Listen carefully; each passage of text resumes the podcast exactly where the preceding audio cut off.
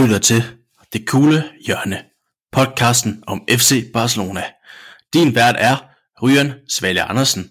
Viska Barca. Buenos dias og velkommen til Det Kule Hjørne, podcasten om FC Barcelona. På torsdag skal FC Barcelona igen i ilden i Europa League, når de skal forsøge at komme spille sig videre til semifinalerne i det første opgør mod tyske Eintracht Frankfurt.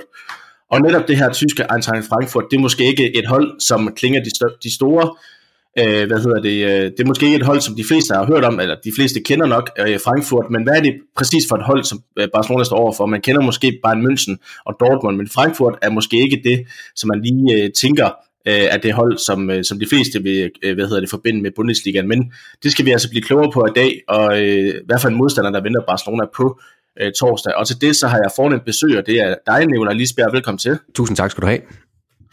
Nicolai, du har jo været med i, i podcasten nogle gange før, og der har det jo været blandt andet på, på fokus på Barcelona, fordi du, har, du bor i Spanien nu, og du har boet i Barcelona før, øh, og har, har i mange år, mange år beskæftiget dig med Barcelona, blandt andet i, i form af den her bog, der hedder Barcelonismo, som du også har været inde og tale om. Så, så det er jo klart, at øh, på den front øh, kender vi dig jo allerede, men du er også med på Mediano som øh, en Bundesliga-ekspert, øh, og derfor tænker jeg, at du kan gøre mig og lytterne klogere på, øh, hvad, hvad det er for et hold, Eintracht Frankfurt det er. Jeg skal i hvert fald øh, forsøge, så må vi jo håbe, at, øh, at I kan blive lidt klogere på, på den modstander, der venter her de, den næste uges tid. Det er det vel. Kan du ikke lige hurtigt fortælle lidt generelt om dit forhold til, til Bundesligaen? Jo, øh, jeg er jo født og opvokset i, i Kolding, øh, og på det, det tidspunkt, jeg voksede op, jamen der var det ligesom øh, tysk fodbold, man, man så. Det kunne man se på de, de tyske kanaler, ZDF eller ARD, øh, Sportschau og deres aktuelle sportsstudio. Så, så det jeg jo vokset op med, øh, udlandsture, jamen det gik til, til Hamburg ned for at se fodbold, øh, da jeg var en, en lille dreng. Og så sidenhen har jeg jo stiftet den hjemmeside, der hedder bullybold.dk, som beskæftiger sig med, med tysk fodbold. Og som du siger, så, så taler jeg også om tysk fodbold i, i podcast blandt andet på, på Mediano. Så den tyske liga har jo altid været, hvad skal man sige, min liga.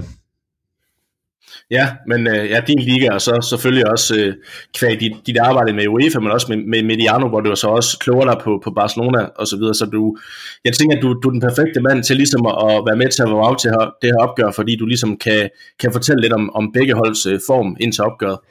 Ja, ja, men det, jeg skal i hvert fald gøre mit, øh, mit bedste, men jo, det er rigtigt, jeg har jo uh, igennem mit UEFA-arbejde, har jeg jo dækket Barcelona, og i, i den her sæson også har jeg jo set alle deres kampe i, øh, i både ja, først Champions League og, og Europa League, øh, så og skal jeg også på stadion, når de så spiller returkamp her om, om halvanden uges tid, lige knap og nap. Øh, så jo, jeg, jeg føler da i hvert fald, at jeg forhåbentlig har noget at, at bidrage med til den her podcast, også om Barcelona.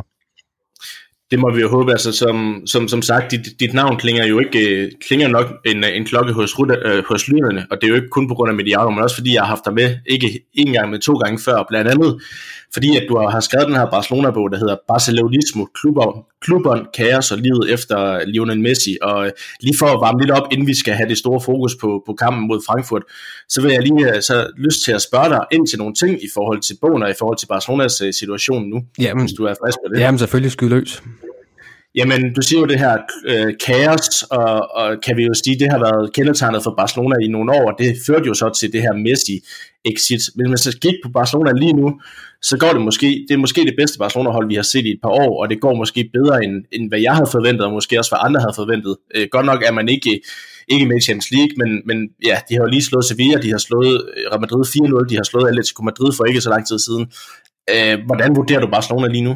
Det er klart, kigger vi på øjebliksbilledet, jamen så ser det rigtig, rigtig godt ud, og det er netop gået stærkere, end man, ja, men man kunne forvente, da, da Xavi kom til. Øh, men der er jo stadigvæk en, en masse sådan, hvad skal man sige, faresignaler ude, ude i fremtiden. Der er stadigvæk en trup, der skal styre på til den, den næste sæson. Der er stadigvæk hele det her økonomiske spørgsmål, som man endnu ikke rigtig, synes jeg, har besvaret fra Laportas øh, side.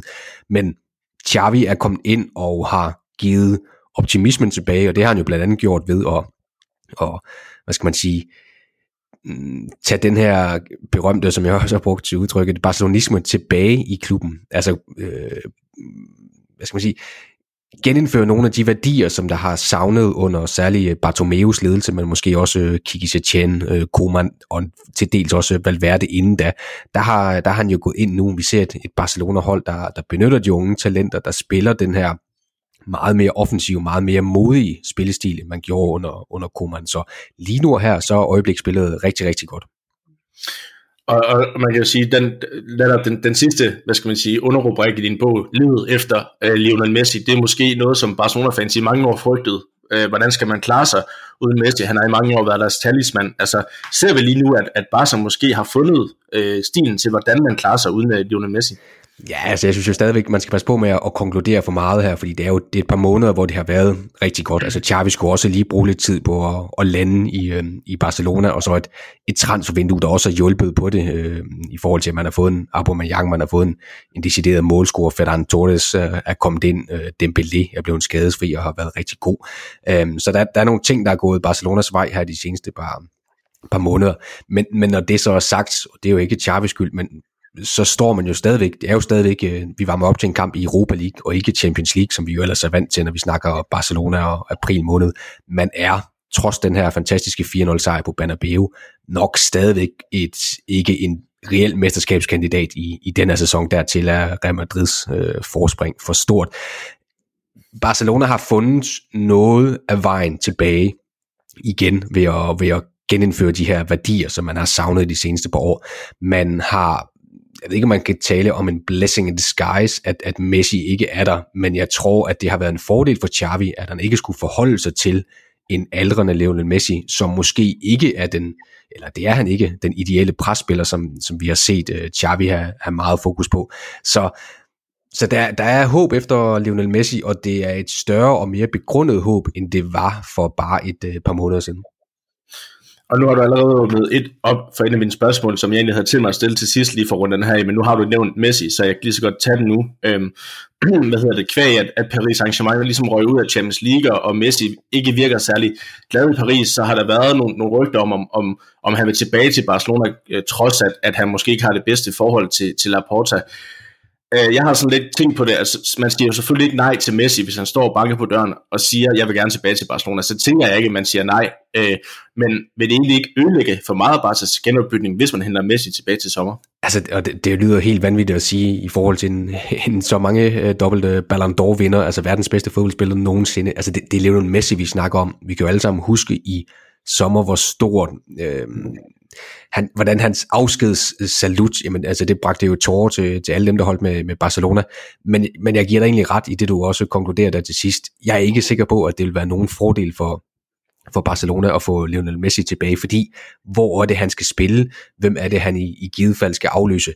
Hele den her unge øh, Dream Team, som de jo ønsker og ynder at kalde det på de sociale medier, jamen der passer han måske ikke i den filosofi. Man vil gerne væk fra nogle af de lidt aldrende spillere, dem der sådan, man vil gerne væk fra det der med, at der er nogle enkelte stjerner, der sætter sig over holdet. Og lige nu her er der bare en samhørighed på det her hold, som jeg godt kunne frygte kunne komme øh, under angreb, så meget sagt, man, som, som godt kunne blive troet, hvis en Lionel Messi kommer tilbage. Så jeg synes ikke nødvendigvis, at det vil være en fordel, hvis, øh, hvis Messi han kommer og banker på døren, fordi jeg er helt enig i, at gør han det, jamen så har Barcelona meget, meget svært ved at, at, skulle, øh, at kunne sige nej. Og man kan bare se, øh, man har jo tit samlet Messi og Cristiano Ronaldo med hinanden. Jeg tænker også øh, United, der lige pludselig får muligheden for at hente Cristiano Ronaldo tilbage og gør det, fordi at det er Cristiano Ronaldo, han har så meget, øh, han har så meget hvad hedder det, kultstatus i United, ikke? og Messi har det jo så, ja, måske gange 10 i, 10 i Barcelona, ikke? Øhm, men, men der har der været snak om, er Ronaldo problemet og så videre. Nu skal vi ikke snakke for meget Premier League, eller Ronaldo, eller United, den her podcast, men der har været snak om, at han måske er en del af problemet i United, fordi du bygger ikke et, et stort hold op om 37-årige spillere. Det gør du måske heller ikke på samme måde om en 35-årig Messi, som for at være helt ærlig, måske ikke har lignet sit gamle, sit gamle jeg i, øh, i, i PSG. Nej, altså man kan sige, at, at til den første kamp på Camp Nou, hvis Messi skulle komme tilbage, jamen så ville det være en kæmpe historie, der ville være fulde huse, og det ville være meget sådan romantisk og, og, og smukt, at han kommer tilbage. Men lige så snart det så begynder, hvis det begynder at gå lidt dårligt næste sæson, der kommer nogle dårlige præstationer, jamen så vil der jo blive stillet spørgsmål ved, om Lionel Messi er problemet mere end han er løsningen. Og det er det samme Cristiano Ronaldo, jamen til trods for, at han han stadigvæk scorer pænt med mål, jamen så begynder man jo at, at, fra præstens side og spekulere i, om han er den rigtige for Manchester United. Og, og det samme vil ske med, med Lionel Messi. Så jeg synes, at, at selvom det ikke var et køn farvel i, øh, i sommer, så er jeg bange for, at det kunne blive en min, endnu mindre køn øh, tilbagekomst, hvis han skulle skifte.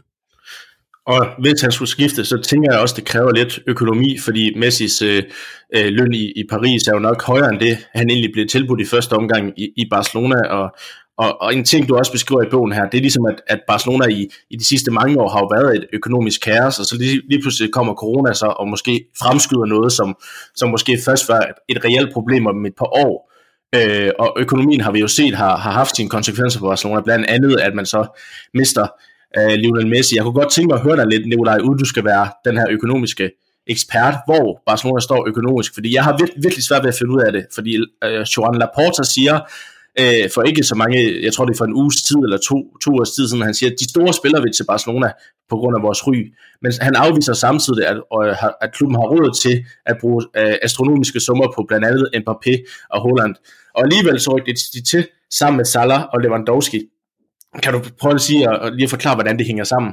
Jamen, der er flere ting i det. Man skal huske på, at den, den spanske presse, den består, eller den spanske sportspresse, den består af, af fire store øh, aviser, to af dem med, med hovedsæde i, i Barcelona. De udkommer hver dag og skal gerne fylde en avis med, med en 8 sider om, om FC Barcelona. Når der ikke lige bliver spillet kampe, jamen så er det svært at fylde de spalter, hvis ikke man, hvad skal man sige, decideret laver sin egen historie. Og så er det klart, at der er jo altid et rygte, eller to, eller tre i en, øh, avis. Så det er jo derfor, at nogle af rygterne opstår. Men når Laporta taler med, med to tunger, så tror jeg også, at det skyldes, at man fra Barcelonas side gerne vil fastholde en illusion om, at man stadigvæk, som han selv siger, er den her klub, hvor alle de store stjerner vil til.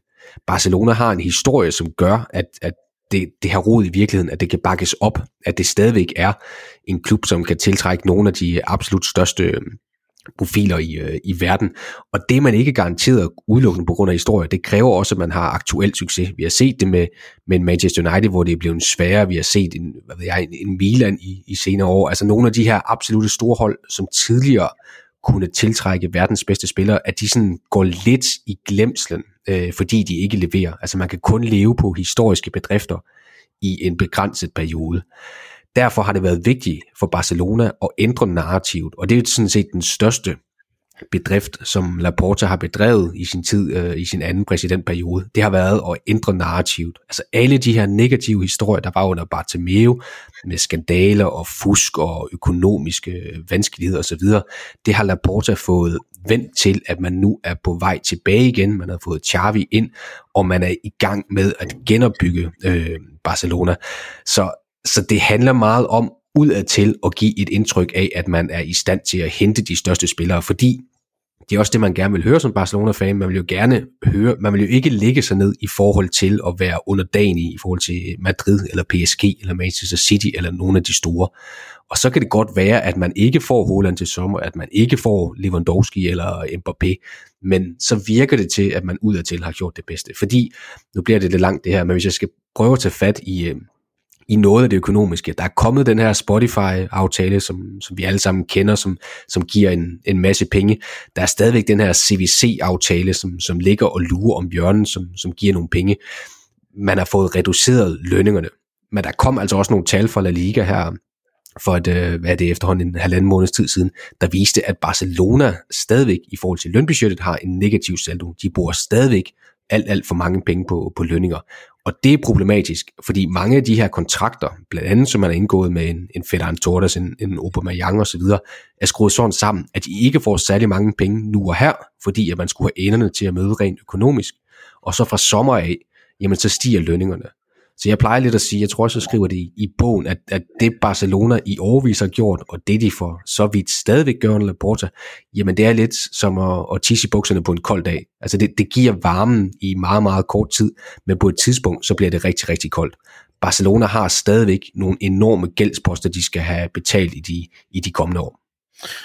Og det bliver jo, ja, øh, det er jo, dermed øh, er jeg blevet klogere, det er for, lytterne forhåbentlig også lidt på den økonomiske situation i Barca, så må vi se, hvor meget hold der er i det her Holland-rygter. Jeg synes, det har været lidt op og ned, så lige pludselig så, så følte man sig lidt sikker på, at han måske vil komme til Barcelona, fordi der har været de her møder, ikke? og så var den lidt ned igen, fordi han måske prioriteret økonomi og, og så videre højere, og der, der, der ligger City måske med et bedre tilbud, og nu har jeg læst de seneste, at, at Barcelona igen er med om kapløbet, men, men selvfølgelig fordi, at, at Holland vurdere det sportslige projekt frem for det økonomiske, og her har Barcelona måske øh, lige nu øh, et godt sportsligt projekt, og, og Holland kan være stjernen, ikke? Men, men Barca kan jo selvfølgelig ikke tilbyde det samme i, lønninger, som, som City og, øh, og Real Madrid og PSG måske, måske kan, og et, et Holland køb vil jo også kræve, at Barcelona så får solgt øh, Griezmann, øh, Coutinho, øh, som lige nu er på leje, plus nogle andre spillere, ikke? Øhm, så ved ikke, hvis du skal lægge hovedet på bloggen og sige, hvor realistisk det her Holland køb er, hvad vil du så sige? Jeg tror ikke, at Holland er særlig realistisk, øh, fordi så havde Laporte heller ikke på den måde gået ud og trukket i land i, øh, igen. Jeg, jeg tror, og det har egentlig et eller andet sted været min overbevisning næsten helt fra starten, at det har været øh, spil for galleriet. Øh, jeg betvivler ikke, at der har været møder med, med Raiola, det har vi jo set, men de har også bare været så tilpas øh, lette at opspore, at det næsten har virket som sådan politisk agenda for Laporta, at man gerne ville vise pressen, at, at man havde et møde for, med Raiola. Man kan jo have diskuteret alt muligt andet end nødvendigvis Holland på, på det møde. Han har trods alt en, en del spillere, den gode øh, Raiola, som også kunne være interesse for, for Barcelona. Så jeg tror ikke, det sker. Selvom jeg synes, at, at for La Liga, for Real Madrid, Barcelona-fortællingen, altså så kunne det være fantastisk, at nu har vi haft den her Messi-Ronaldo-ære i så mange år, hvis man fik Mbappé til, til Real Madrid og Holland til, til Barcelona. Altså det kunne være en fantastisk historiefortælling, men jeg tror desværre ikke, det sker.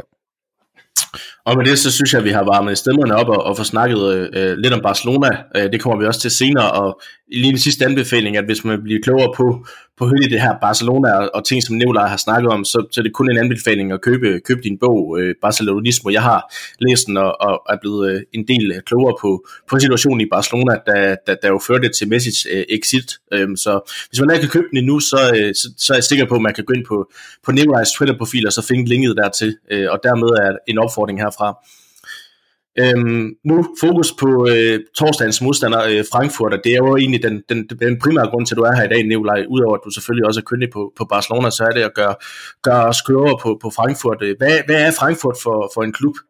Jamen, det er en, det er en stor klub, øhm, og, og så kan det godt være, at du, du indledte med at sige, at, at, at Bayern og Dortmund selvfølgelig er de klubber, man, man kender mest i Tyskland, måske også en, en Leipzig på grund af deres øh, opblomstring de senere par år, men historisk set er Frankfurt en, øh, en kæmpe klub, øh, og det er en klub, som i løbet af de seneste 5-6 år har genfundet sig selv. Det er ikke så mange år siden, de var nede i, øh, i anden Bundesliga og var sådan lidt et elevatorhold, men de har over de seneste 5-6 år haft en rigtig god sportslig ledelse. De har udviklet en, en klar øh, filosofi, hvad det er for en slags spiller, man gerne vil hente, hvad det er for en slags fodbold, man gerne vil spille.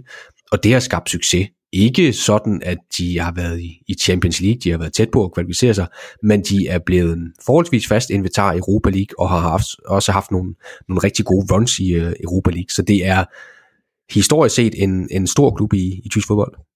Og, og hvor stor er den så? For nu snakker jeg om, om Bayern München og, og Dortmund, der måske er de to største. Leipzig er, er kommet op. Altså, jeg ved godt, at det er svært at placere at sige, at det er den tredje eller fjerde største klub, men, men altså, hvor, hvor stor er de sådan, skal man sige, medie, mediemæssigt i Tyskland? De fylder en del mediemæssigt i Tyskland, og jeg ved ikke, om jeg sådan kan sætte et tal på, fordi der er jo også nogle gamle kæmper, som, som Schalke, Werder Bremen og, og Hamburg, der ruder rundt i den næstbedste række. Øh, men altså man kan sige, de vinder jo pokaltitlen i, i 2018 efter en finale sejr over Bayern München. De er i semifinalen i Europa League året efter, taber til, til Chelsea på, på straffe. Øh, de har været i en Champions League finale før, øh, måske den bedste Champions League finale nogensinde, da de taber 7-3 mod Real Madrid i 1960. Øh, de er det eneste tilbageværende hold i Europa League, der har vundet turnering, eller det var så dengang, det hed UEFA Cup, de vandt i, øh, i 1980. Så det er en klub, der er vant øh, til succes, og det er en klub, der har en meget, meget, meget stor og lojal fanbase. Nu begynder man i, i Frankfurt, der kan jeg trolig garantere for, at, at der kommer smæk på, og jeg kan også godt garantere for, at der er rigtig, rigtig mange tyskere, der tager turen til, til Barcelona om, om godt en uges tid. Det er ikke sikkert, at de alle sammen får lov til at komme ind på stadion, men der kommer til at være og masser af tyskere på stadion, når, når Frankfurt de gæster Camp Nou om, om cirka en uge. Og hvad med sådan rent spilletidmæssigt, man kan sige, Barcelona er, er en klub, der er jo defineret ud fra, fra en måde at, en, at se fodbolden på og spille på. Altså, hvad, hvad med Frankfurt? Har de også en historisk spillestil, eller, eller hvordan vil de spille fodbold nu her?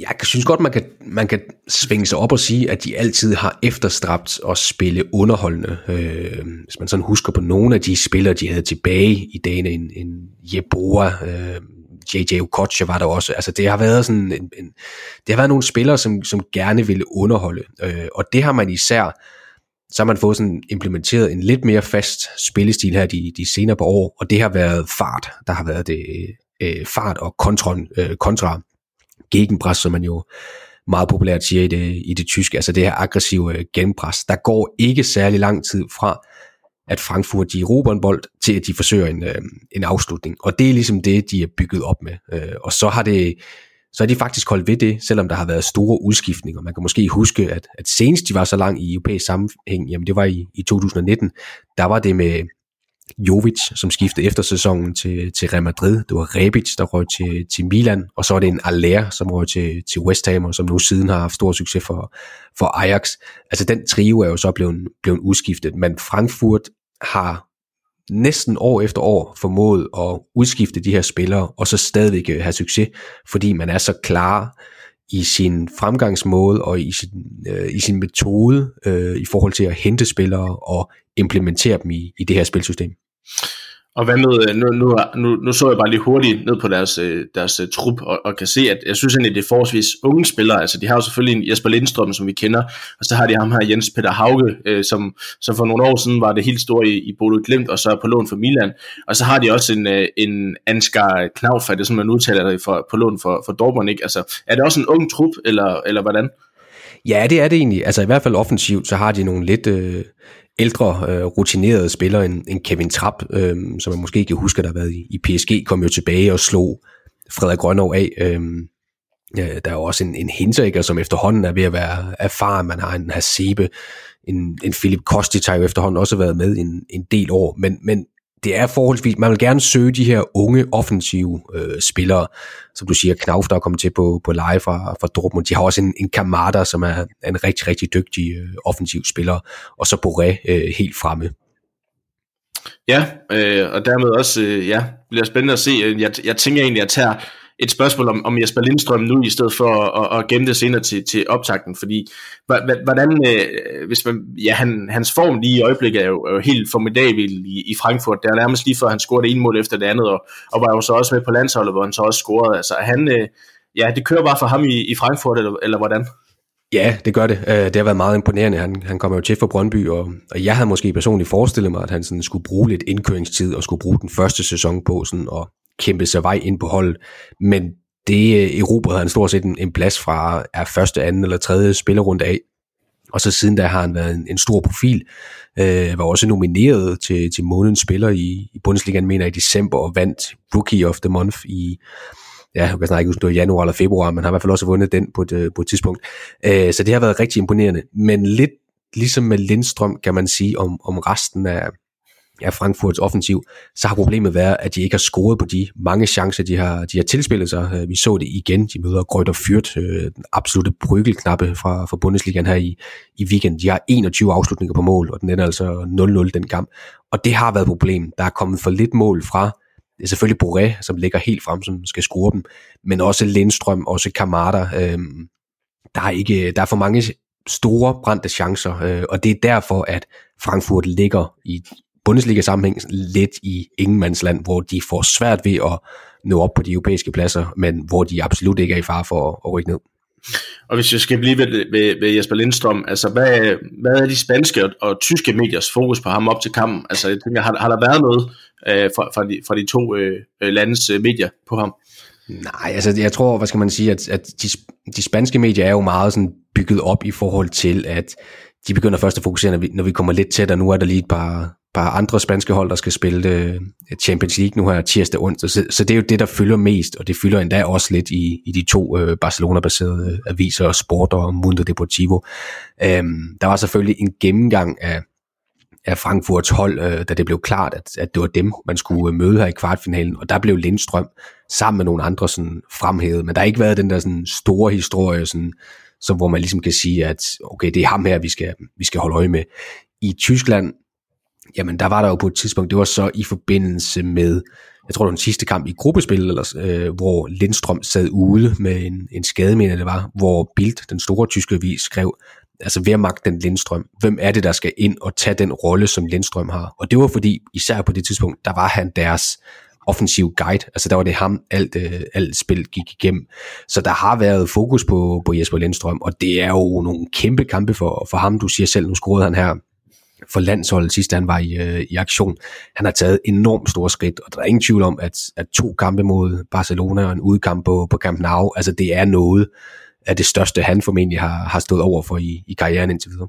Ja, jeg, jeg har også et spørgsmål, der hedder, er det, er det Lindstrøms største kamp i karrieren? Han har jo selvfølgelig vundet det danske mesterskab med, med Brøndby. Han har, han har spillet for Frankfurt, han har fået debut på landsholdet og scoret, men, men nu står han altså over for, for Barcelona godt nok i, i, i Europa League, og ikke et Barcelona-hold som med Messi, men stadigvæk et Barcelona, et Barcelona-hold, der, der er i, i fremgang. Altså er det, jeg ved godt, du ikke er Jesper Lindstrøm, men tror du, at han tænker, at det her det er den største kamp i min karriere?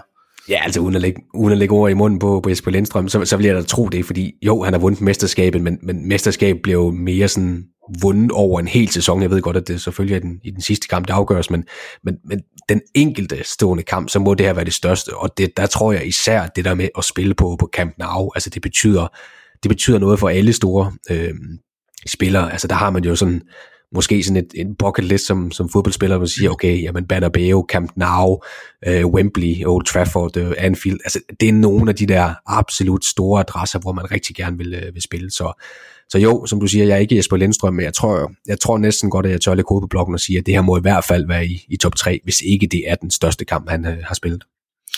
Det må vi jo se, om, om, om TV2, øh, TV2 øh, øh, får, får spurgt ham i, i optakten til kampen eller efter kampen. Men øh, af med, med danske brillerne for den her omgang, og så lige tilbage til lidt fokus på, på Frankfurt, fordi at, hvad, hvad var reaktionen i, i Frankfurt, da man træk FC Barcelona? Det var vel den værste modstander, man overhovedet kunne, kunne trække, hvis man ser på, på papiret.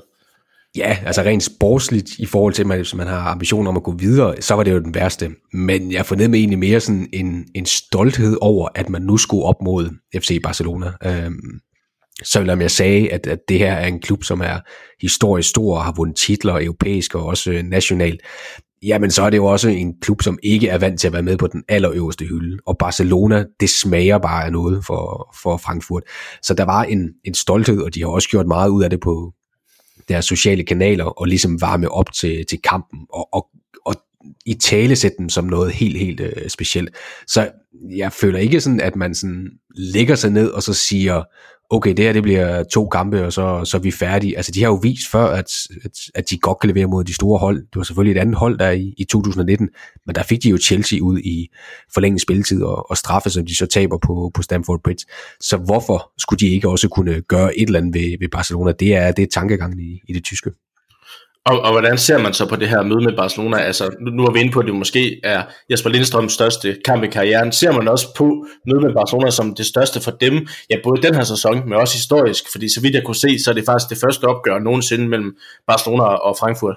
Jamen, altså, jeg tror, jeg sagde det, da du spurgte mig, hvad det er for en, en klub, eller hvad det er for en størrelse klub. Jamen, så har de jo, de har været en Champions League-finale, eller Europacup for mesterhold. De har vundet UEFA-koppen, De vinder de er i semifinalen i, i Europa League for, for tre år siden. De vinder mesters øh, pokaltitlen for, for fire år siden.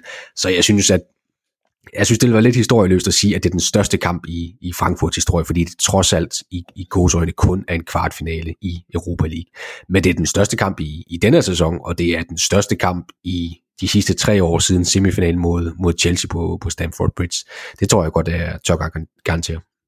Og så skal vi, nu skal vi så senere vende, hvordan Barcelona så ser på, på Frankfurt. Øhm, hvis vi skal kigge lidt på, på nogle nyheder, skråstrej fokus op til kampen fra, fra de tyske aviser, hvad har, hvad har det så været? Nu er godt klar at vi sidder selvfølgelig tirsdag optager, så, så jeg tænker også, at deres fokus også er på Bayern München. Men, men har der været noget op til, øh, op til kampen? Jamen det har der, er netop i, hvad skal man sige, forbindelse eller på bagkant af den her 0-0-kamp mod, mod Krøjter Fyrt, jamen så har der været meget fokus på angriberpositionen. Øh, nu har jeg nævnt Boré, øh, sin navn et, et par gange, og han har ligesom været the go-to guy for, for Oliver Glasner, deres, øh, deres træner, øh, men han leverede ikke og fik øh, spillet en, en dårlig kamp mod, mod Fyrt. Øh, og er det ham, eller er det en Gonzalo Paciencia, som, som man måske sætter liden til i stedet for? Det er to meget forskellige spilletyper. Øh, Boré er den her sådan lidt mindre hurtige, lidt mere bevægelige spiller, hvor Paciencia er sådan lidt mere en, en targetman, lidt mere en, en boksspiller. Øhm, og det kunne måske godt være, fordi de har en, en masse fart, de har en masse, de har nogle rigtig dygtige øh, kanter med, med Kostic og, og Knauf, som næsten er mere de spiller sådan en vingbak i sådan et, et 3-4-2-1 formation, men, men det er næsten sådan decideret offensive øh, kanter, som meget, meget gerne vil til baglinjen og, og slå den ind. Øh, så det er det, der er fokus på. Altså de har ikke, øh, jeg tror, de har scoret 39 mål i Bundesligaen, og det er altså ikke alverden. Og det er ikke fordi, at de ikke spiller offensivt, eller fordi at de i principielt har en, en træner, som måske helst vil, vil spille lidt defensivt. Det handler simpelthen om, at de ikke udnytter de, øh, de chancer, de, de spiller sig frem til, og de ofte store, store chancer, de øh, spiller sig frem til. Så det er det, der er fokus på det tyske. Hvem er det, der skal score målene, og hvordan lykkes det at, at udnytte de chancer, som der formentlig ikke kommer så mange af mod, mod Barcelona. Så det, der, har mere, der har også været mere fokus på, øh, ja, hvordan, hvordan Frankfurt slår Barcelona, der måske har været fokus på. Barcelona der kommer til byen også kvæg, som du sagde, det var måske lidt for historisk løst, at jeg sagde, at det var den største kamp for dem er historisk, men altså, der er mere fokus på, på Frankfurts kvaliteter, og hvordan man slår Barcelona kontra, at, at det er Barcelona, der kommer til øh, byen. Ja, altså i hvert fald for de tyske mediers side. Øh, jeg er ingen tvivl om, at, at Frankfurt, det kan man se på deres hjemmeside, det kan man se på deres Twitter, Facebook, Instagram-profiler og, og hvad der nu ellers findes, at der er det stort, at Barcelona kommer til byen. Altså det er en kæmpe, kæmpe, kæmpe kamp. Altså så det er ikke, det er ikke, det er ikke for at sige, at det her ikke er en historisk kamp. Altså det her er en, som øh, fædre og mødre vil tage deres sønner og døtre med, og så vil de om 20 år, 25 år måske huske tilbage på den gang, at at FC Barcelona kom til, til Frankfurt og, og spille en kamp på deres stadion. Så det betyder helt sikkert en masse. Men det er sådan mere sådan fra et, et fan-perspektiv, et, et klubperspektiv. Man kan sige, pressen, jamen, de har mere fokuseret på, hvordan er det, at det her Frankfurt-hold kan komme til at gøre ondt på, på Barcelona? Hvordan er det, at man kan stikke en kæp i det ellers meget, meget velsmurte jul, som hedder FC Barcelona? Super. Hvis vi så skal kigge lidt på, på Frankfurts øh, form indtil opgøret, nu, nu snakker du selv om, de ligger lidt der i, i Ingemandsland i Bundesligaen. De ligger nummer 9 i Bundesligaen, så vidt jeg kunne se, så har de 5 point op til, til en 6. plads, der giver europæisk øh, fodbold, øh, og de, de møder så i weekenden, øh, er det Freiburg, der, der blandt andet ligger på den her 5. plads, så, så, så muligheden er det jo stadigvæk. Men, men hvordan, hvordan er deres form indtil det her op, øh, opgør? Jamen altså, de har jo ikke tabt seks gange med et træk, øh, så det kan man sige, det er, jo, det er jo meget godt. De har så spillet de to seneste uafgjorte øh, 0-0, den ene mod øh, Leipzig, og det var selvfølgelig okay, og så den her mod, mod Grøter Fyrt, hvor man har 21 skud på mål. Øhm, så, så formen er egentlig ganske fin, men, men det har lidt været det samme billede hele sæsonen. De scorer simpelthen for få mål. Altså de spiller alt, alt for mange uafgjorte til, sådan for alvor at komme op og tro i, øh, i subtoppen af, af Bundesliga-tabellen. Og de har jo en eller anden sted en, en trup, som er, er fuldstændig næsten skadesfri og, og klar til at, at spille, men, men der mangler bare ham her, som kan lave de nødvendige mål. Det har de haft tidligere med en Aller, en, en Jovic eller, eller nogle af de spillere, Rebic for den sags skyld, men han er der bare ikke i øjeblikket. Boré laver ikke nok mål, og Lindstrøm, Kamada, Kostic osv., jamen de byder fint til, men er heller ikke sådan første målscoretyperne. Øh, og hvad med, hvis vi skal kigge, nu sagde at de ligger på 9. plads, og de har de her 5 point op til en 6. plads, det giver europæisk fodbold øh, i næste sæson. Det gør øh, Europa League også, hvis man vinder den. Altså, og man kan sige, at øh, Frankfurt ligger måske et dårligere billede i forhold til at sikre sig europæisk fodbold næste sæson, end Barcelona gør lige nu. Så, så kan man sige, at, at for Frankfurt, der er den her kamp enormt vigtig i forhold til at, at kunne spille europæisk fodbold næste sæson. Ja, det kan man sige. Øhm, jeg tror da heller ikke, at de har opgivet, øhm, hvad skal man sige, igennem, igennem Bundesligaen, fordi syvende pladsen jo faktisk også kan give, øhm, give europæisk adgang, altså det er så Conference League, hvis at eksempelvis en øh, RB Leipzig vinder pokalturneringen, hvor de er så i semifinalen, så på den måde er der jo stadigvæk, øh, stadigvæk muligheder. Men det er klart, de har jo også set, hvad der skete sidste år, da, da Villarreal måske lidt overraskende sendte først Arsenal og siden øh, Manchester United ud af, af Europa League, og på den måde gik fra at, i stedet for at skulle spille øh, kvalifikation til Conference League, jamen så gik de jo direkte til at være seedet i, øh, i UEFA øh, Champions Leagues gruppespil. Du står i en kvartfinale, så kan det godt være, at man møder det absolut bedste hold, der er tilbage i, øh, i puljen, men det er stadigvæk to kampe, det er stadigvæk, der er stadigvæk en mulighed for, at det her kan blive en magisk øh, Frankfurt-sæson, så den kommer der til at få alt, hvad, hvad, hvad, hvad den kan trække, når, når Barcelona kommer på besøg. Alt andet vil da være, være dumt, fordi selvfølgelig har de der håbet om, at, at de også kan tro Barcelona, at de kan finde de midler, der skal til for at nedbryde den her ellers velsmurte maskine. Og med det er en glidende overgang til at, at, at lægge Frankfurt lidt væk, og så fokusere på den her velsmurte maskine, der hedder FC øh, Barcelona, øh, der jo kommer ind i, i, i en fremragende form indtil det her opgør. Man, man, er, man er ubesejret de seneste 14 kampe i træk i ligaen, øhm, og, og har slået, som jeg sagde i optakten, ja, både Real Madrid, Sevilla og Atletico, de tre øh, tophold i, i Spanien har, har gået fra at være sådan lidt usikker på, om man skulle spille Champions League næste sæson, til nu at ligge på en anden plads i ligaen. Øh, de bliver nok ikke mestre, men, men, men lige nu ser det ud som om, at, at, at, at det, det ser ud som om, at, at de er sikre på at, at komme i Champions League i, i næste sæson. Jeg har, jeg har som, som et åbent spørgsmål på, på Barcelona har jeg jo skrevet i manus, er det det bedste hold, bedste Barcelona-hold, vi ser i, er det det bedste Barcelona-hold i et par år, det her, som vi ser lige nu? Det er i hvert fald det bedst spillende, øh, og jeg ved ikke lige, hvor jeg skal sætte skæringsdatoen. Altså man kan sige, under, under Valverde fik han jo meget kritik, øh, men de var trods alt tæt på at gå igennem øh, La Liga i hans første sæson, uden at, uden at tabe en til kamp. Taber de ikke til Levante i den næst sidste eller tredje sidste kamp øh, det år. Øh, så, så man kan sige, at den stabilitet skal du jo stadigvæk have ind på holdet, men det er det bedst spillende i forhold til, at, at man nu med rette kan sætte sig ned en, en lørdag eller søndag aften, som, som Barcelona jo typisk spiller, og så sætte sig tilbage, og så sidde og forvente, at det her Barcelona-hold leverer, at de går ud og spiller offensivt, at de er modige, de tør tage greb på kampen, og de producerer chancer, og de scorer også på chancerne.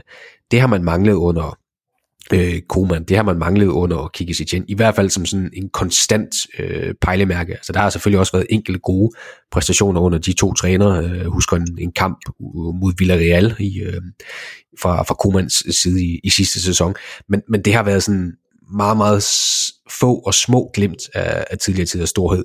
Lige nu og her, selvfølgelig toppende med, med 4-0 sejren på, på Bernabeu for et par uger siden, jamen så er der en følelse af, at det her Barcelona-hold, det spiller sådan, som FC Barcelona skal, skal spille.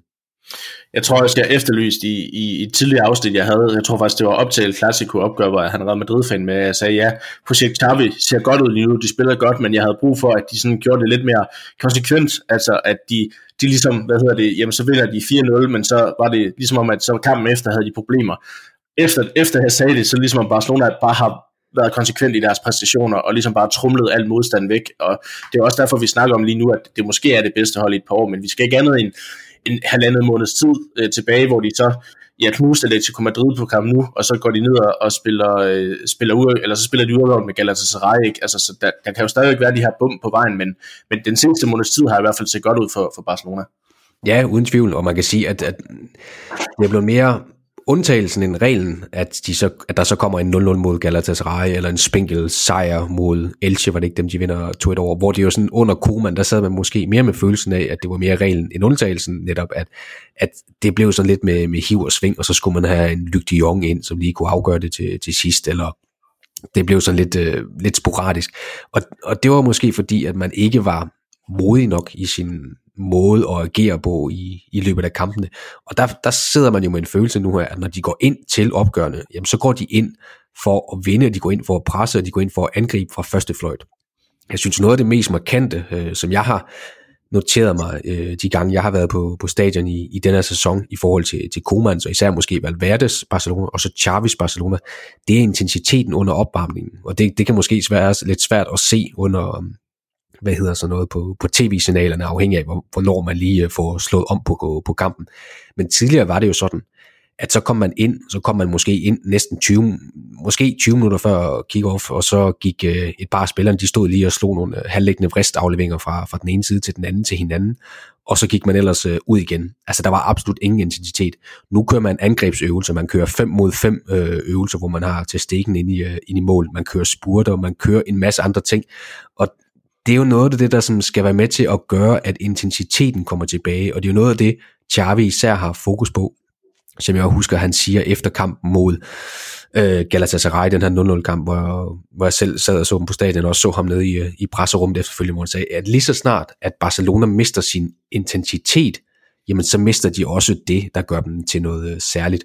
Så han er jo godt klar over, at man får ikke noget for ærende. Man er inde i en rigtig god form, man spiller rigtig fin fodbold, men skal den form fastholdes, jamen så er det vigtigt, at man fastholder intensiteten, at man tager til Frankfurt, og så går man ud og angriber fra start. Så stiller man sig ikke tilbage og håber på, at man kan afgøre tingene i, øh, på Camp Nou. Så går man ned til Tyskland, og så tager man greb om kampen.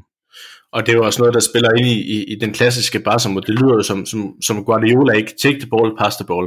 Øh, ikke? At, at, at Barcelona har jo bare i hvert fald øh, i, de, i de her gyldne år øh, fra, fra 0 til, til 12 ikke? Et, et hold, der var kendt for, for at spille god øh, fodbold ved at være boldbesiddende, men også ved at være meget øh, hvad hedder det, intensiv i deres presspil, ligesom for at få bolden tilbage. Og det er jo, det er jo blandt andet det, jeg som, ser, at Barcelona er begyndt at gøre nu igen, og, og også det, der taler imod kontra det, vi, det vi var øh, tidligere, at, at Messi ikke er den, han var for, for, for lige præcis i den periode, at han måske vil ødelægge den proces mere, så, så det taler jo godt ind til, at, at Xavi har fokus på det, for det har godt nok manglet i, i et par år, vil jeg sige, den her intensitet.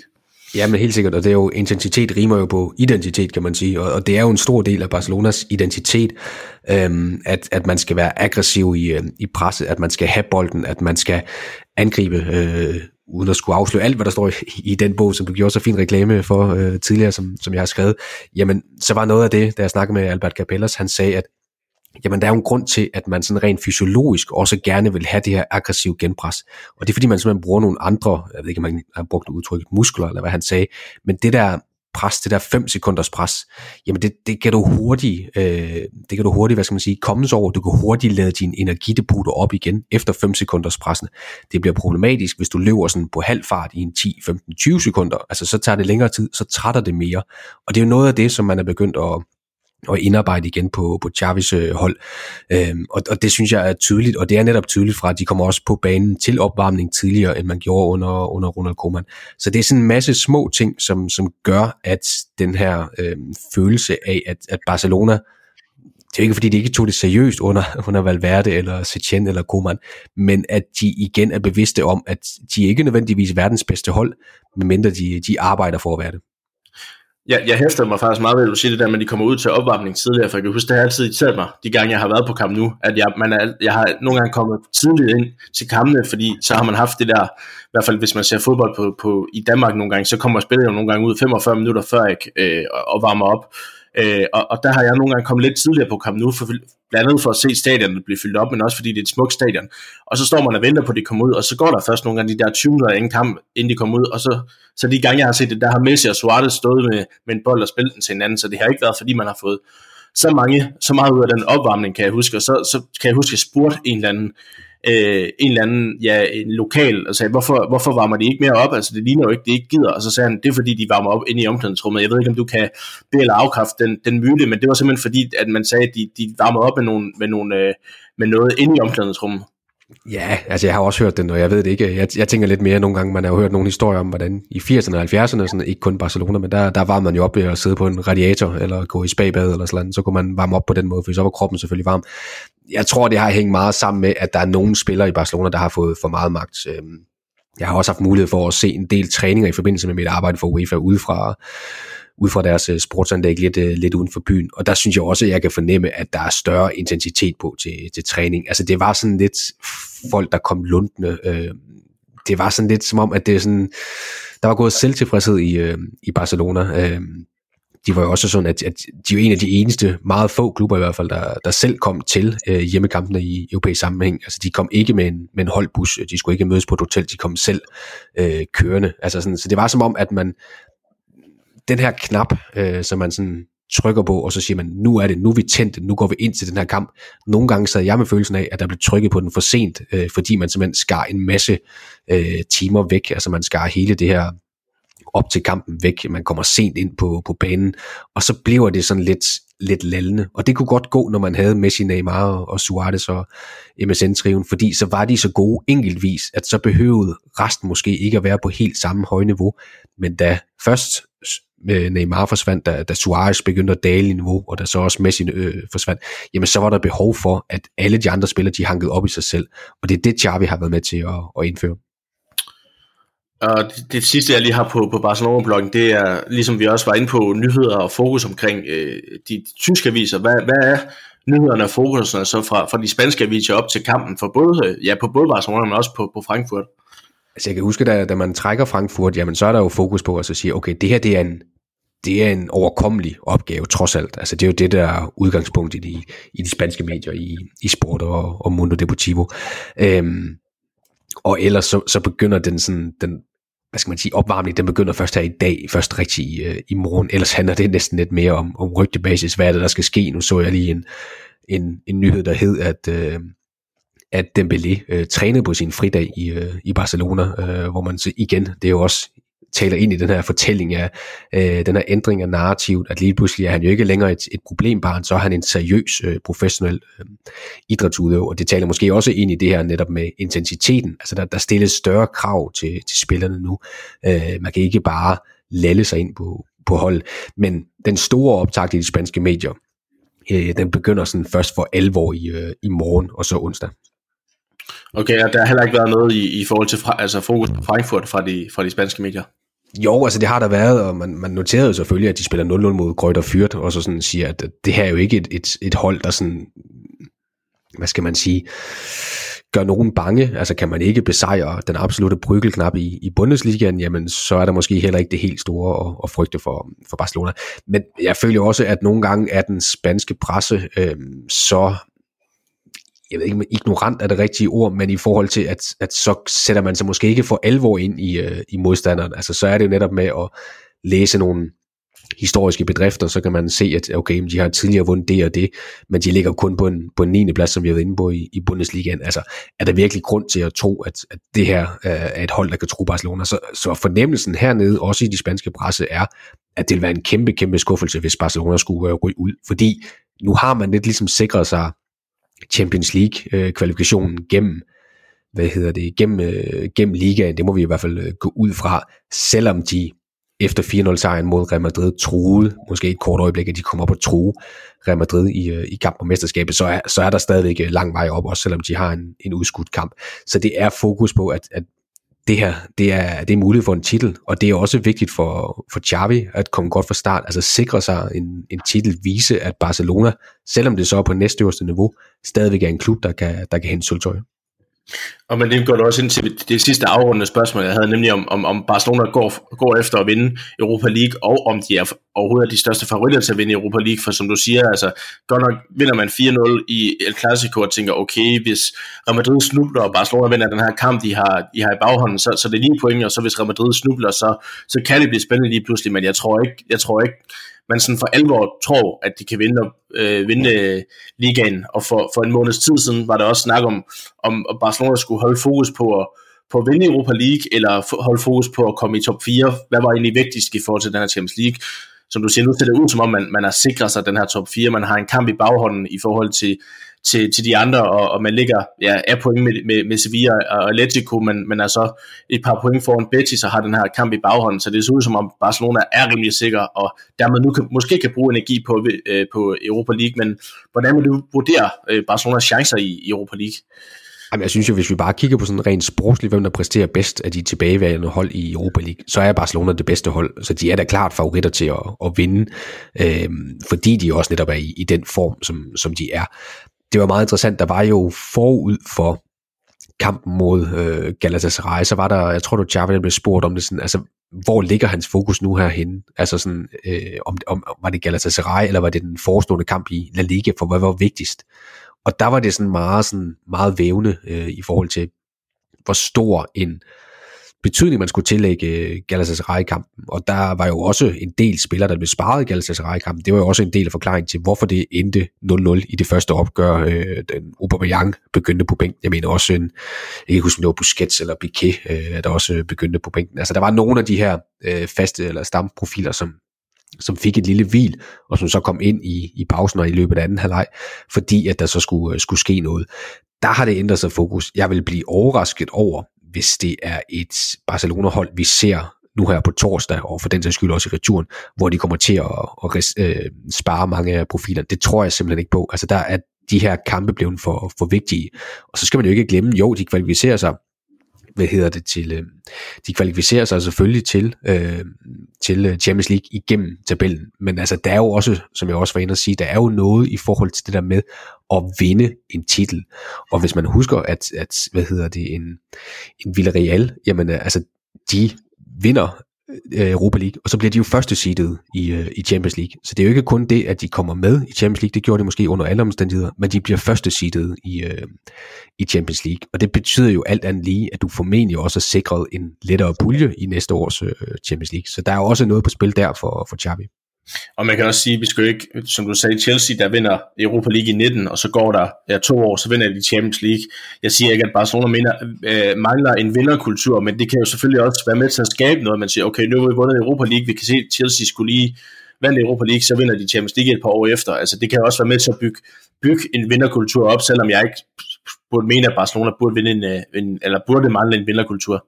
Nej, det er selvfølgelig godt ikke. Der er jo der er mange af de her spillere, de er jo både verdensmester, europamester og Champions League vinder, men, men den nye generation, altså Nico, øh, Gavi, øh, Pedri, øh, for den til skyld også en, en Antofati, de har jo ikke vundet det samme. Nogle af dem har slet ikke rigtig vundet noget. Øh, så det er klart, at, at det der med, at de kommer ind og får en fornemmelse af, at jamen Barcelona, det er en klub, hvor man vinder, øh, vinder titler, man vinder finaler, man kommer i finaler. Det er jo vigtigt, øh, og så kan vi så kan, det altid, så kan det godt være, at det er sådan lidt flydende og lidt fluffy nogle gange at snakke sådan om vinderkultur og, og DNA, men det betyder noget, at, at man er en klub, der kan sikre titler. Og så selvfølgelig også det faktum, at, at finalen spilles på Ramon Sanchez Pizjuan i, i Sevilla, så, så der, Barcelona har mulighed for at få en masse fans til, til Spanien. Ikke? Det, det må jo også have en, en betydning, at man kan vinde en titel i Spanien. Ja, det tror jeg. Jeg tror, der er, man kan sige, der er selvfølgelig nogle, nogle civile klubber, der er lidt ærgerlige over, at de nok ikke skal spille der. Øh, de røg ud øh, i sidste runde, både Betis og, og Sevilla. Øh, og, og Barcelona har jo tidligere sikret sig store sejre i øh, Sevilla i, i Copa del Rey, så det er klart, at, at der er jo også nogle fans nu, og dem jeg snakker med hernede, som også ser muligheden for at sige, okay, jamen, vi vil gerne ind og se Barcelona nu. Altså sådan, tidligere har det været sådan, ah, det, det var måske ikke så, så interessant, så, så opmuntrende og opløftende at se FC Barcelona, men nu den der fornemmelse, den der optimisme er jo vendt tilbage. Øh, der er sådan en følelse af, at der kan ske noget magisk, når man tager på stadion og ser øh, Chavis øh, FC Barcelona igen. Og så er det klart, en, en finale, en finale, Europa League, den, den har de altså aldrig vundet øh, før FC Barcelona, så det kommer de også til at, at tage seriøst. Og hvis vi så skal, skal bevæge os mod den sidste del af, af den her optakt, nemlig øh, selve optakten, så, øh, så, så, vil jeg, så vil jeg spørge dig om, hvordan du ser på styrkeforholdet mellem de to hold. Jamen, jeg tror, jeg ved ikke, man skal smide procenter på eller sådan noget, men, men Barcelona er stor favorit, øh, fordi de er inde i den form, de er. De, øh, de, de rammer deres bedste niveau i sæsonen, og som vi også har været inde på, måske i løbet af de seneste to-tre år. Øh, Frankfurt er på dagen et rigtig, rigtig godt hold, men de har de her scoringsproblemer. Hvis man skal slå Barcelona i øjeblikket, så skal man nok være kynisk, og det er der bare ikke meget, der tyder på, at, at øh, Frankfurt er. Så de få chancer, de så kan spille sig frem til, og den måde, de kan gøre ondt på, på Barcelona, jamen hvis der ikke rigtig står en angriber derinde, der kan prikke dem ind, jamen så, så tæller det måske ikke, øh, ikke alverden. Det der så kan blive, hvad skal man sige, Barcelonas ulempe, hvis vi sådan kigger, det er så mere i forhold til returen, jamen det er jo, at de har fem spillere i potentiel øh, karantænefar. Det er Busquets, det er Jordi Alba, det er Eric Garcia, det er Gavi, og så er det øh, Piqué. Altså, og det er jo klart, at så begynder vi lige pludselig at komme ned og, og mangle nogle spillere, især i, især i defensiven, kan man sige, hvis, hvis alle de her fem spillere skulle øh, ryge i karantænefar, men der er jo stadigvæk en, en del vis og visser i, i det her. Og, og, og, og øh, opfølgende spørgsmål, det er så, at er det for Frankfurt måske det værste tidspunkt at møde øh, FC Barcelona på? Ja, i forhold til, at, at FC Barcelona i hvert fald ikke er set bedre, så er det jo igen rent sportsligt øh, det værste tidspunkt at møde dem. Men omvendt er der jo nok også en følelse af, at nogle gange vil man jo gerne måle sig med, med de allerbedste. Og FC Barcelona er nu start april øh, 2022 er bare mere sexet end Barcelona oktober-november øh, 2021. Så jo, sådan rent sportsligt, så, så havde det da været bedre at møde dem øh, i efteråret, eller på det niveau, som de havde i efteråret. Men der er bare en følelse af, at okay, vi kan lige så godt, nu skal vi op mod en af de absolut største, historisk set største klubber i, i verden, så kan vi også lige så godt møde dem i, i topform. Og hvis vi skal kigge lidt på, på, på, på kampbilledet, altså hvad for, hvad for en kamp øh, forventer du dig? Nu, nu, nu snakker vi med udgangspunkt af den første kamp i, i Frankfurt, men du kan, også, du kan også bare tage begge kampe med ind i, i, i, i det, hvis det er. Jamen, jeg føler mig egentlig ret overbevist om, at det bliver et, et, et kampbillede, hvor Barcelona kommer til at være rigtig, rigtig meget på bolden, og så kommer Frankfurt til at, at satse på omstillinger. Og så er spørgsmålet så, hvor gode de er til det. Altså, hvor gode er de til at bryde Barcelona, når de selv har bolden? Hvor gode er de til at komme afsted over kanterne ved blandt andet en, en Kostic, en, en Knauf, Lindstrøm, øh, Kamada? Altså, hvor gode er de til at få, få sat dem her i scene? Nu har vi rost øh, blandt andet Jesper Lindstrøm her i, i begyndelsen af podcasten, men en ting er at kunne gøre det mod, mod Fyrt, Bielefeldt, Augsburg og, og hvad de nu ellers hedder. Altså kan han også gøre det mod Barcelona på det her tidspunkt af sæsonen, og, og med den forfatning øh, Barcelona er i. så jeg forventer egentlig, at Barcelona kommer til at være rigtig, rigtig meget på bolden, og det er ikke en super, super defensiv, de har øh, Frankfurt, selvom de har Oliver Glasner som, som træner, som er sådan meget defensiv orienteret, orienteret træner, og som var i Wolfsburg i, i sidste sæson. Så Barcelona kommer til at være på bolden, de kommer til at være spildominerende, og så kommer Frankfurt frem til nogle sporadiske chancer i, i den første kamp. Og hvad så i, øh, i, i retur? Det, jeg ved godt, det, det kommer selvfølgelig an på, om, om hvem der har det bedste udgangspunkt. Ja, det er jo klart, hvis, hvis Frankfurt har, har, har en sejr med, så kan det være, at de, de stiller sig mere ned. Barcelona, øh, tænker jeg, uanset om man er foran eller bagved, så, så kender vi deres uh, spillestil, men tror du også, det, det er sådan, det er i, uh, i returen, selvom vi selvfølgelig ikke kender uh, resultatet på forhånd? Ja, altså man kan sige, at, at Frankfurt kan måske endda komme endnu mere definitivt til, til Camp Nou, øh, eller endnu mere dybdestående, og så, og så prøve at løbe nogle af de her omstillinger, igen lidt afhængig af, som du siger, hvordan bliver resultatet i den, i den første kamp.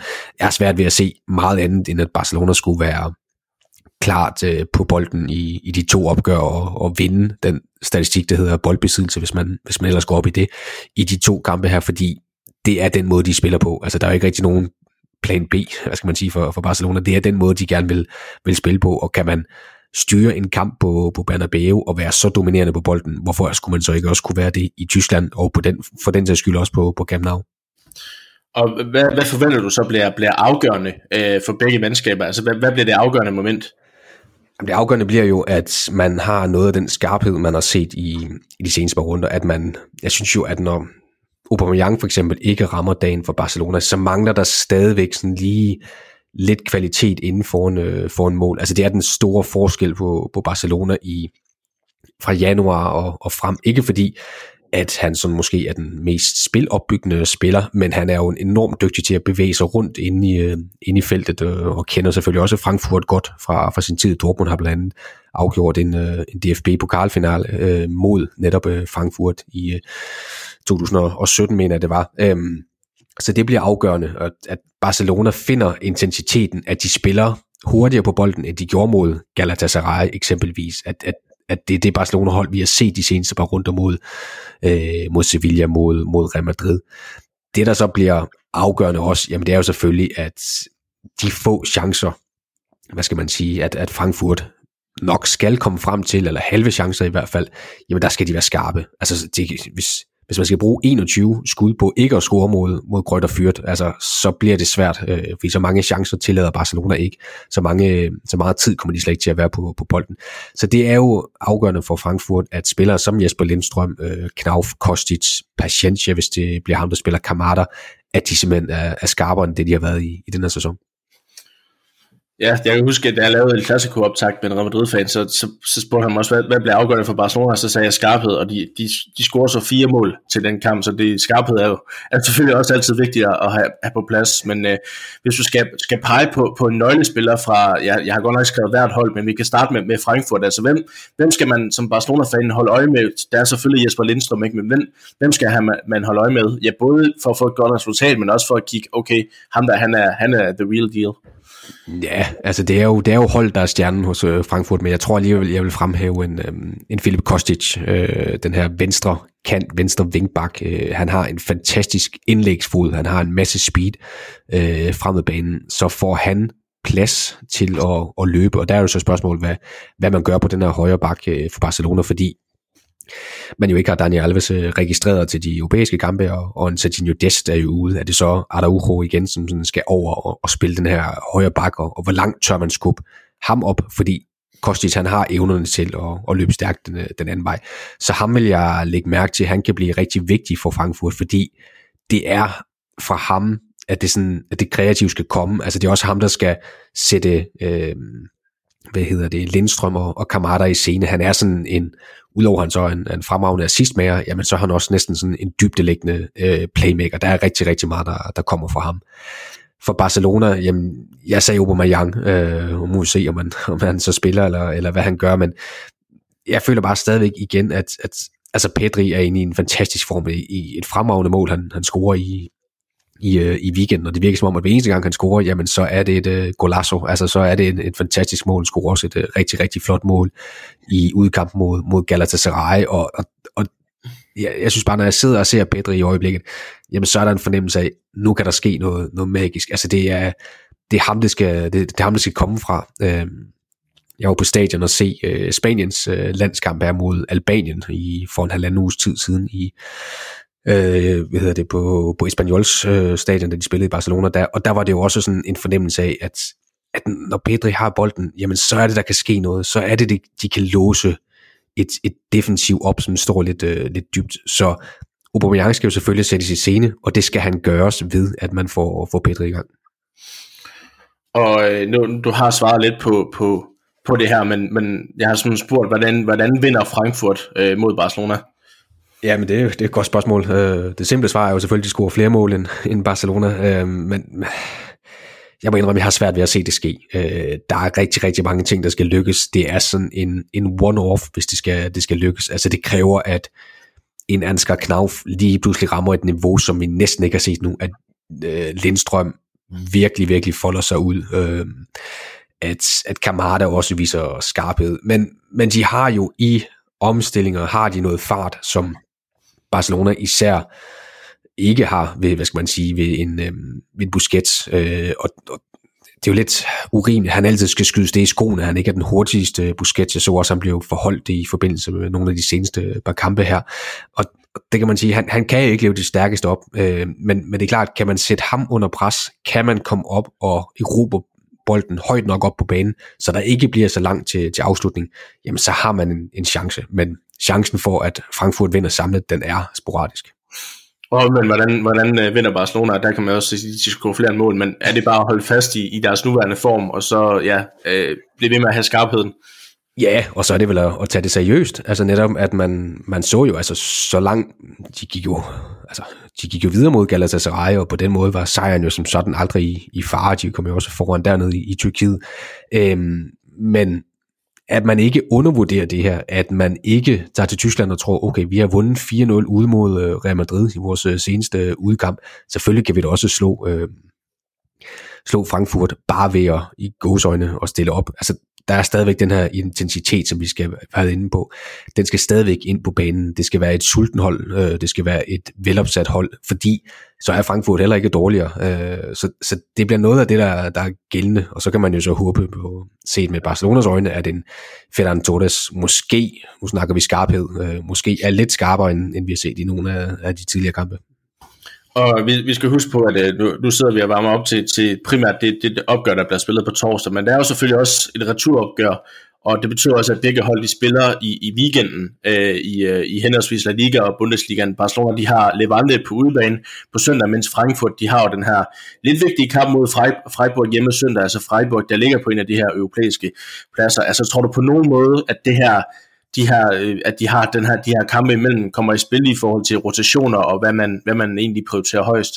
Nej, så tror jeg, at, at så bliver det næsten med sådan en omvendt foretegn, i hvert fald for, for Frankfurts side, at man så siger, man, okay, altså, de kommer ikke til at spare nogle spillere mod, i, til kampen mod Barcelona, fordi at man så har en vigtig kamp mod, mod Freiburg. Altså, Barcelona-kampen er den absolut vigtigste i, i resten af sæsonen. Selvfølgelig, hvis de går videre, så er det, så, så er det jo selvfølgelig den næste kamp, sådan er det jo altid, øh, der er den vigtigste. Så det kommer ikke til at, at betyde noget. Øh, det her, det bliver et Frankfurt-hold, hvor de kommer med alle deres øh, profiler, med alle deres øh, stjerner, hvis vi kan kalde dem det, og de kommer, de kommer til at, at spille fra start. Og ja, Barcelona har så Levante, der ligger, der ligger og rundt i bunden af liga. Altså, de kan jo så omvendt måske også godt lige rotere lidt, men det kommer selvfølgelig an på, på, på udgangspunktet i Frankfurt. Så Barcelona kan måske bedre tillade sig at rotere på søndag, end, end Freiburg kan, eller undskyld, Frankfurt kan. Ja, det kunne man sige. Øh, nu kan man sige, nu Levante måske så ved at komme lidt i gang, vinder i, i weekenden. Vi så jo mod øh, mod Villarreal. Øh, så, så det er jo ikke fordi, at det bare er et hold, selvom de ligger sidst i, øh, i ligaen, som, som bare lægger sig ned. Øh, de har jo stadigvæk en, en overlevelse en, og en chance for den, som, som de kæmper for. Men altså man kan sige, der er det jo jeg tror også for Barcelona, der kommer man ikke til at spare spillere i første udkamp øh, mod Frankfurt. Man skal ikke risikere, at man kommer fra Tyskland med, med et dårligt resultat, og så på den måde komplicere tingene i, øh, i den næste kamp. Så jeg tror også, at jeg tror, du har en point i, at hvis der skal ske nogle rotationer, og jeg synes jo egentlig, at Xavi sådan roterer fra, fra tid til anden, jamen så kommer det nok i, øh, i Levante-kampen, lidt afhængig af, hvordan øh, man kommer ud af den her kamp i det tyske. Ja, det, øh, det, det er jo svært, svært at sidde og spå om nu. Øh, det kan jo se meget, øh, meget anderledes ud på, på fredag ikke, i forhold til, hvad, hvad den første kamp er endt. De sidste to ting, jeg lige har på bloggen i forhold til den optag, det er, at jeg kunne godt tænke mig, at du kom med et bud på, på en startopstilling fra, fra Frankfurt af. Ja, øhm, ja, hvad skal man sige? Jeg tror egentlig, at, at vi, vi ser en, øh, en trebakkæde. Altså det, det er meget den her 3-4-2-1, øh, som, øh, som Frankfurt spiller. Øh, og det er med trap øh, på mål. Og så er jeg lidt i tvivl om, hvordan man sådan lige øh, stiller op øh, bag os. Man havde en, en Martin Hinteregger ude med karantæne i, øh, i weekenden, men han, han går ind og, og bliver fastmand igen. Om det så, jeg tror, det bliver ved siden af en Dika, og så måske øh, Hasebe, og så glider Tutu, øh, Tuta ud på, på bænken. Øh, og så er jeg lidt spændt på den her midtbane. Øh, Jibel øh, So tror jeg spiller, og så ved jeg ikke, om det bliver med Sebastian Rode, eller Jens Peter Hauge, eller Jakit som, som mand ved siden af. Og derfor så, så er jeg egentlig ret sikker på, at det bliver med, med Kostic og Knauf på de to kanter. Det bliver med Jesper Lindstrøm og Kamada som de to tiger, som, som har lidt fri bevægelighed til at søge ned i banen, men også søge ud på, på kanterne. Og så tror jeg, at han vælger Paciencia i stedet for Boré helt fremme, ud fra en tankegang om, at man ikke kun skal kunne slå øh, Barcelona på fart, men også på indlæg. Og der er Paciencia en bedre boksspiller end, øh, end Boré. Og øh, nu skal vi heller ikke sidde og, og, og have hele Barcelona, men jeg tænker, at det store spørgsmålstegn op til kampen, det er jo netop, som du sagde, hvad er løsningen på højre bak, fordi Alves er ikke registreret i Europa League, og Santino Dest er skadet, og, og mod, i et klassiko var det jo så Araujo, der var løsningen. Det, det tænker jeg vel også, det bliver op til den her kamp, og så er det igen, altså, øh, så tænker jeg egentlig, det, det, er, det er det stærkeste hold derfra, altså til stikken på mål, og så Piqué, Garcia i, i midterforsvaret, Alba på venstre bak, Busquets, øh, De Jong og Pedri på midtbanen, og så Aubameyang, øh, Dembélé, og så er det så spørgsmålet, om man så rykker øh, Ferran Torres på kanten, eller man tager Gavi, der også har spillet den her, den her kant. Øh, det, det er vel egentlig de to store spørgsmålstegn med Barcelonas øh, startopstilling. Ja, det tænker jeg, og det er måske især netop på den her Torres Gavi, øh, eller om man vælger i stedet for at smide Gavi ned, i stedet for en, en De Jong, eller man giver Busquets et, et hvil. Altså sådan, det, det, det er nogle enkelte de ting, jeg kan se, men ellers kommer den nok meget til at ligne den opstilling, vi så i kampen mod, øh, mod Sevilla, men med den undtagelse, som vi også har været inde på, at Daniel Alves selvfølgelig ikke spiller, og det betyder, at øh, Araujo han øh, rykker ud, og så ryger Erik Garcia ind. Altså det, det virker som det mest øh, åbenlyse. Øh, og så, ja, så er det måske mellem Gavi, Torres og, og De Jong, at de sådan skal stå den sidste plads. Ja, øh, og det sidste jeg har, det er så et, et bud på, på resultatet. Du må lige selv bestemme, om det skal være torsdagens kamp, eller om det skal være det samlede resultat. Jeg tænker måske, at torsdagens kamp er lidt lettere at forholde sig til, end, end det samlede. Ja, men jeg kan i hvert fald begynde med, med torsdagens kamp, og så sige, at øh, jeg, jeg tror jo et eller andet sted, at, at det er en kamp, der bør bekomme Barcelona godt, fordi de ikke forsvarer super, super godt øh, Frankfurt. Øh, omvendt så, så synes jeg også, at altså, så jeg håber lidt på, at det ikke bliver alt for låst, jeg håber på, at Barcelona kommer med den her indstilling om, at de gerne vil øh, tage greb om kampen, for jeg er ret sikker på, at, at Frankfurt med den fantastiske opbakning, de kommer til at have for hjemmepublikum, jamen, så kommer de til at løbe en masse omstillinger, de kommer med en masse fart. Så jeg prøver lidt, øh, lidt optimistisk måske, og så siger vi øh, 3-2 til, til Barcelona i, i torsdagens kamp, og så tror jeg, at de, de kører sådan forholdsvis sikkert hjem på, på Camp Nou måske med, med 2 eller 3-0. Ja, det lyder, det lyder godt i mine ører, og det håber jeg forhåbentlig også, det gør for, for resten af, af, af lytterne med, med Barcelona af, af farver. Øh, jeg har ikke mere på, på bloggen her, Nikolaj, udover et, et kæmpestort tak, fordi du igen øh, gjorde mig klogere på, på Barcelona, men også på, på, på Frankfurt. Øh, hvis du har nogle sidste pointer, så, øh, så, så må du gerne føre dem af. Ja, nej, jeg tror, vi har vist været rundt om det hele. Jeg håber bare, det bliver to øh, gode kampe. Det er i hvert fald mulighed for, at øh, vi kan få nogle seværdige, at vi kan få noget seværdigt fodbold. Ja, det, det må vi håbe. Det, som, som, som lyder på din, dit portræt af Frankfurt, så kunne du godt øh, lægge op til, at det bliver øh, en, ja, et spændende opgør med to hold, der egentlig gerne vil spille fodbold. Så, så det kan man jo bare håbe på, og, og som neutral kan det være, at man, man, man sagtens kunne se den her kamp, og, og ja, som fan af de to hold, så, så, så, så lader det også til, at det bliver, det bliver en underholdende opgør i hvert fald. Jeg er lidt det sidste ord for, for denne gang, og så øh, tusind tak, fordi du var med igen, endnu en gang, Nikolaj, og ja, og tak for at jeg altid kan skrive, hvis jeg lige mangler en medvært. Ja, men selvfølgelig, du siger bare til en anden gang. Det gør jeg, og så tak til lytterne for at lytte, lytte, øh, for at lytte med, og så indtil næste gang, så vi skal... Altså.